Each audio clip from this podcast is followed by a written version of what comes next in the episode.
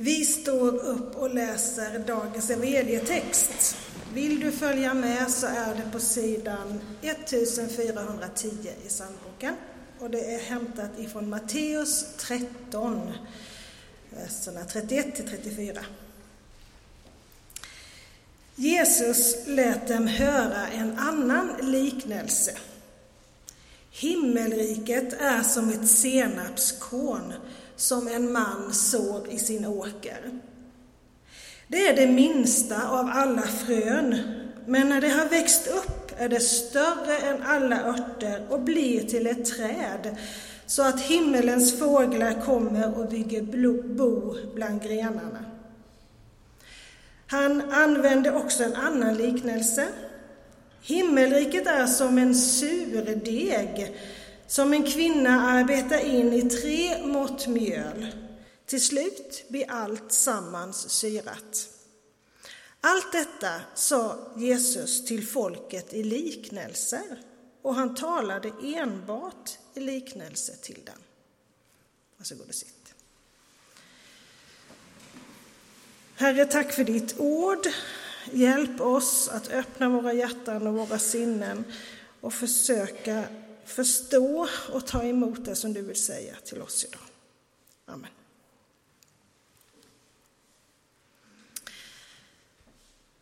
Ja, Jesus ger oss här idag två liknelser som vi på något sätt ska försöka att förstå.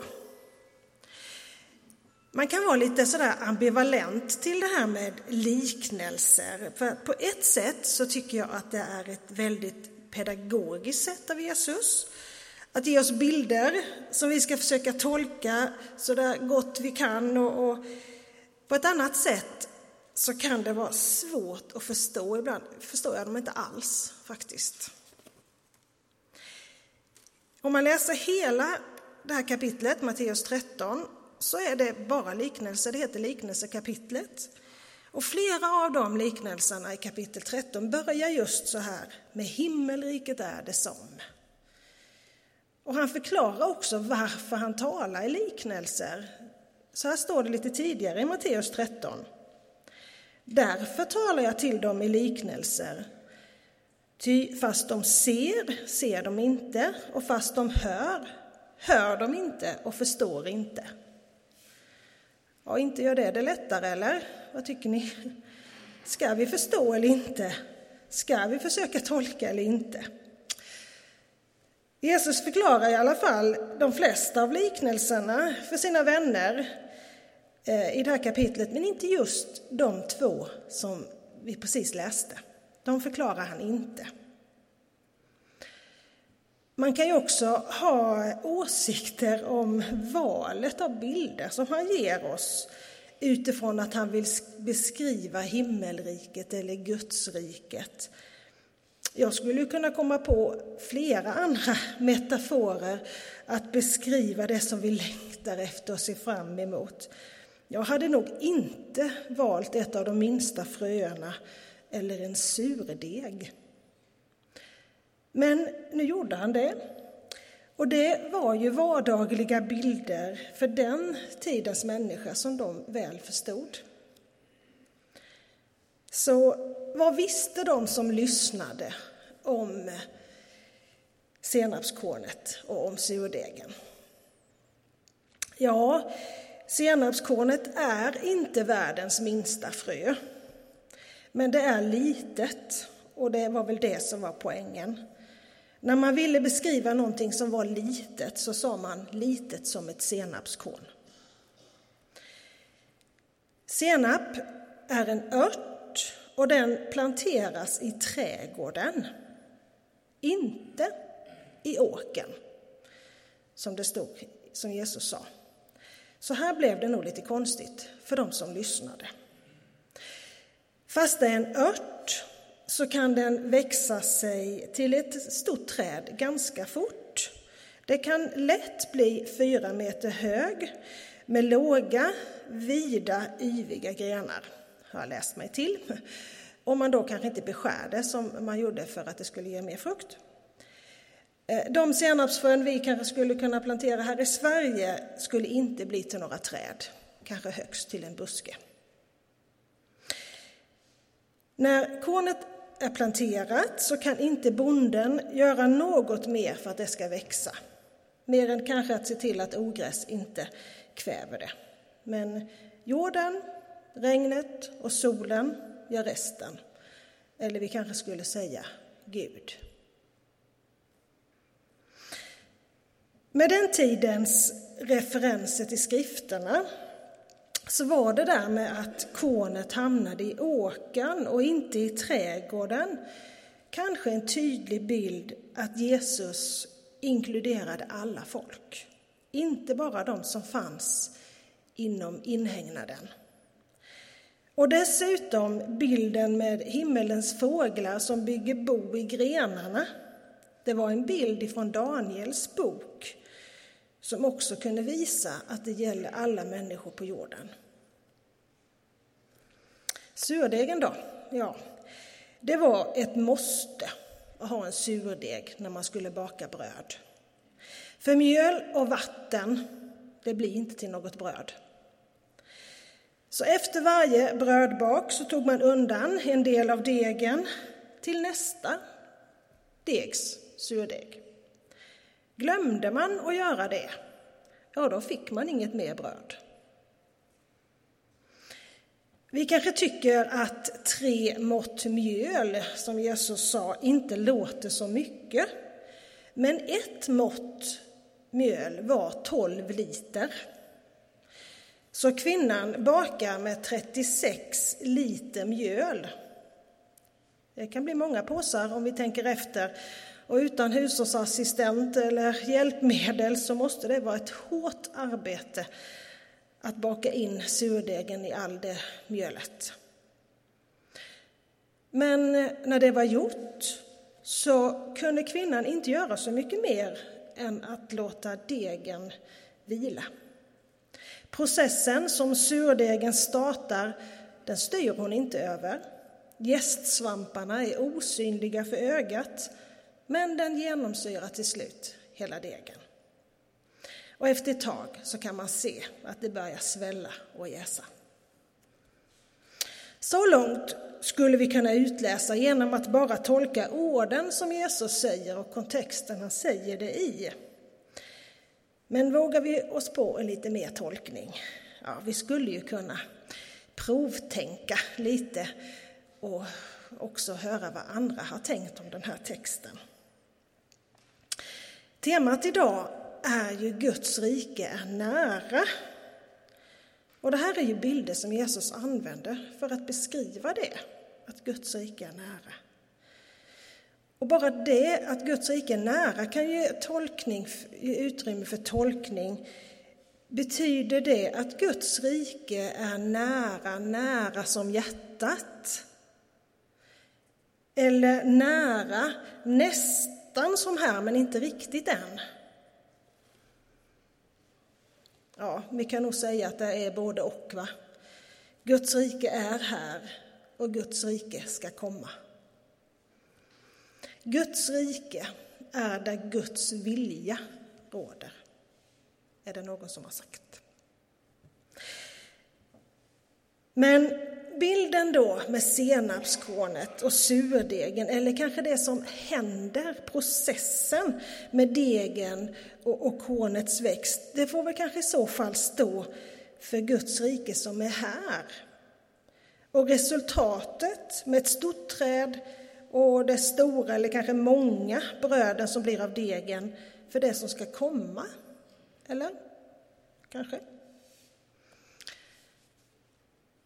Det lilla senapskornet skulle kunna stå för den lilla skaran som fanns kring Jesus när han lämnade jorden. För då var de inte mer än ungefär 70 personer vid det tillfället som trodde på honom och som följde honom. Och nu år 2018 så har det där fröet grott, växt och utvecklats till ungefär två miljarder kristna över hela världen. Det hamnade utanför trädgården och nådde alla himmelens fåglar. Surdegen sparades mellan varje bakning genom alla generationer. Alla nåddes av evangeliet i en oavbruten kedja och genomsyrade hela kristenheten. Den här tolkningen har nog företräde av många teologer. Att det betyder att Guds rike växer och gror till den världsvida kristna kyrkan. Men man skulle också kunna säga att det lilla senapskornet kan på det individuella planet vara vår tro, som fast den är liten, med Guds hjälp, god undervisning och bra gemenskap får växa sig stor och stark. Bli ett träd med yviga grenar där goda tankar och goda handlingar blir frukter som kommer himmelens fåglar till del. Tron som bakas in i våra liv och genomsyrar allt vi gör. Eller det lilla senapskornet skulle kunna vara Guds kärlek som landar i våra liv genom det som Jesus har gjort för oss. Kärleken som får genomsyra och växa i våra liv. Kärleken som växer ju mer man delar med sig av den, kärlek som blir till kärlekshandlingar. De här tolkningarna det är vedertagna tolkningar som förklarar bilden av senapskornet och surdegen. Men om vi lägger örat till texten lite till, som Jan Eirestål brukar säga, vad är det då den säger ännu mer kanske? Jag tror, det jag har, när jag har jobbat med den här texten, så är det precis som att den vill säga något ännu mer. Kanske något lite mer komplicerat och kanske inte så tillrättalagt. För det kan bli så, jag säger inte att det blir så, men det kan bli så att det kan bli lite präktigt det här. Och vi kan få för oss att det beror på oss. Att jag måste tro rätt, att jag måste vara en kristen rätt, att jag måste vara alltigenom god, hjälpa alla jag möter. Ja, ni förstår. Men är det någonting som de här bilderna säger oss så är det ju att det inte alls beror på oss. Guds rike beror inte på oss och det vi är eller gör, för det beror på Gud. Vi kan drabbas på ett eller annat sätt. Eller så är det något som bara finns där. Något som till en början eh, är litet, men som, som sen växer. Vi kan få höra om Jesus, vi kan börja tro, känna hur han älskar. Allt börjar i det lilla. Och sen, sen är det med Guds hjälp som Guds rike är nära. Inte på grund av vår duktighet.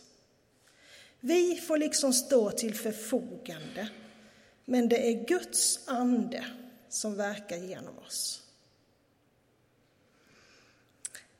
Vi är väldigt duktiga i den här kyrkan.